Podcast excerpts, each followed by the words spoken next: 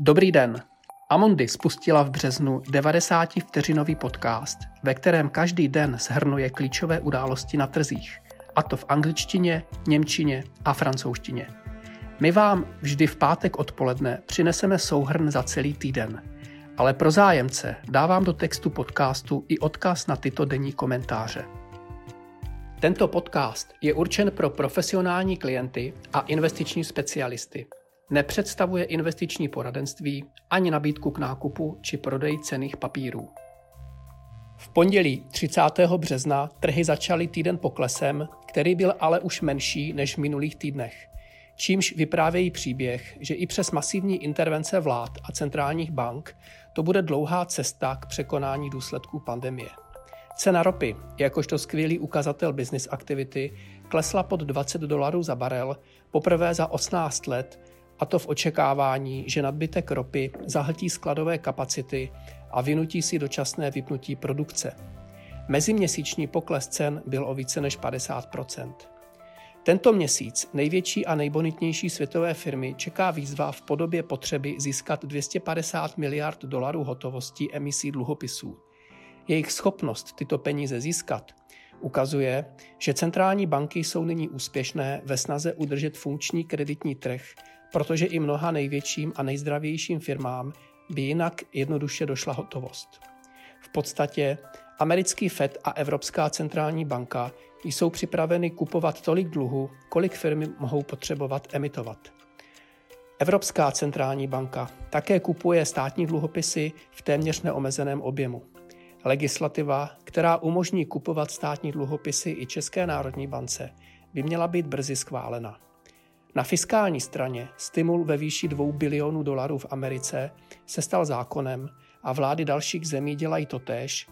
Pro nás je důležitá i intervence v Německu ve výši 10% HDP, což patří k těm největším na světě. Nicméně stále není zhoda na emisi celoevropských koronadluhopisů. Úterý 31. března. Skončilo jedno z nejbouřlivějších čtvrtletí. Malý paprsek naděje se objevil v Číně v podobě indexu nákupních manažerů, který dosáhl hodnoty 52 za březen. Číslo nad 50 indikuje expanzi a navíc jde o velké oživení z hodnoty 36, která byla v únoru. Je jasné, že je ještě příliš brzy na to se nechat unést, protože velké účinky pandemie v celém světě mohou v následujících měsících snížit poptávku po čínském vývozu. I když centrální banky po celém světě, včetně čínské, podnikají bezprecedentní kroky ve snaze pomoci ekonomické aktivitě, trhy musí vstřebávat další výrazné zpomalení aktivit firm. Konkrétně se to projevuje rušením, snižováním či odkládáním dividend, dále pak zmražením kapitálových výdajů i aktivit na poli fúzí i akvizit, které klesly na nejnižší úroveň od globální finanční krize v roce 2009. Ale i přesto trhy zůstaly v úterý relativně optimistické. Právě proto, že jim nyní pomáhají peníze poskytnuté firmám a občanům a pomohla také menší růst nakažených v Itálii a větší realismus prezidenta Trumpa v jeho odhadu ohledně délky trvání potřebných opatření ke zvládnutí pandemie. Ve středu 1. dubna byl po uzavření trhů v USA znám finální výsledek za kvartál na globálních akcích. Index MSCI All Country World zakončil poklesem minus 21,7 za kvartál, což byl druhý nejhorší výsledek za 30 let. I když finanční panika způsobená virovou pandemií v závěru měsíce polevila, trhy začaly druhý kvartál poklesem. Index nákupních manažerů ve výrobě ukázal na propad v Evropě i Ázii, i když to už trhy nepřekvapilo. Jedinou výjimkou byla Čína, kde finální tzv. Caixin Index v březnu ve výši 50,1 indikoval mírnou expanzi v aktivitě. Díky propadu ropy klesla i inflace v eurozóně. Očekávání jsou pak další pokles inflace a hlavní obavou je propad do deflace. Na straně snižování nákladů pak roste tlak vlád a centrálních bank a dalších autorit na velké firmy, aby snižovali nebo rušili dividendy.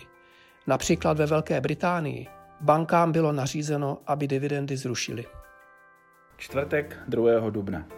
Rozsah škod na trhu práce z důvodu pandemie COVID-19 začíná být zřejmý v plné podobě.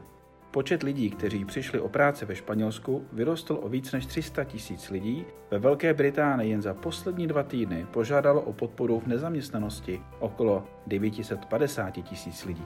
Hlavní akciové indexy v Americe zaznamenaly první obchodní den tohoto kvartálu znovu velký pokles o 4,4% v očekávání dalšího týdenního údaje o růstu žádostí o podporu v nezaměstnanosti.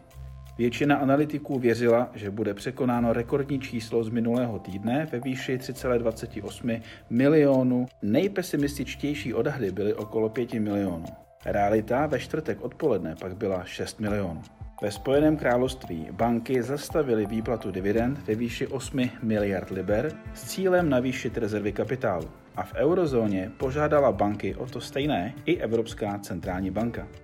Částečné oživení proběhlo na trhu s ropou. Ropa Brent vyrostla o 6,5% na základě spekulací, že Saudská Arábie a Rusko se dohodnou na snížení nabídky.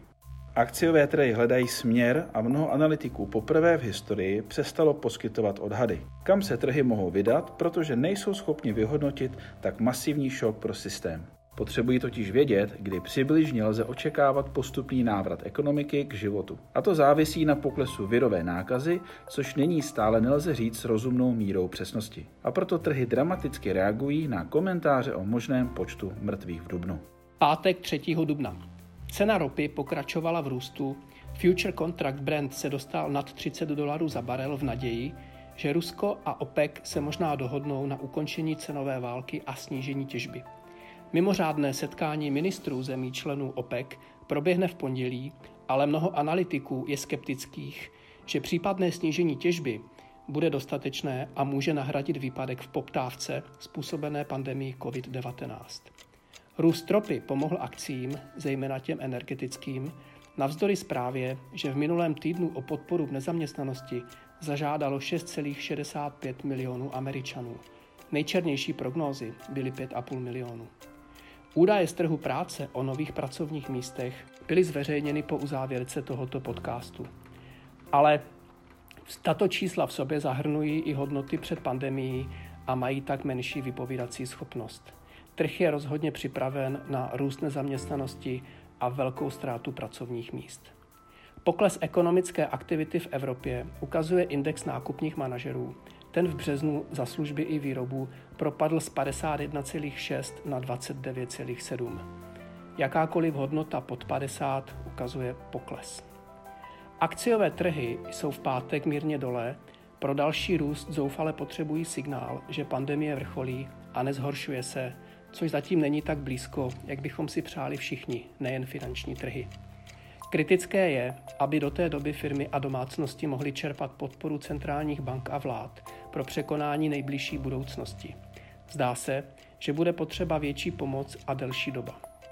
Dnes britská vláda například prodloužila balíček garancí půjček pro firmy s obratem nad 500 milionů liber proti předchozímu limitu 45 milionů liber. Podobným krokům přikračují vlády prakticky ve všech zemích i u nás. Zatím malého pokroku vidíme uvnitř Evropské unie v překonání rozdílných názorů na emisi celoevropských tzv. koronadluhopisů. Příští týden bychom měli vidět, zda státy Evropské unie dospějí k nějaké shodě.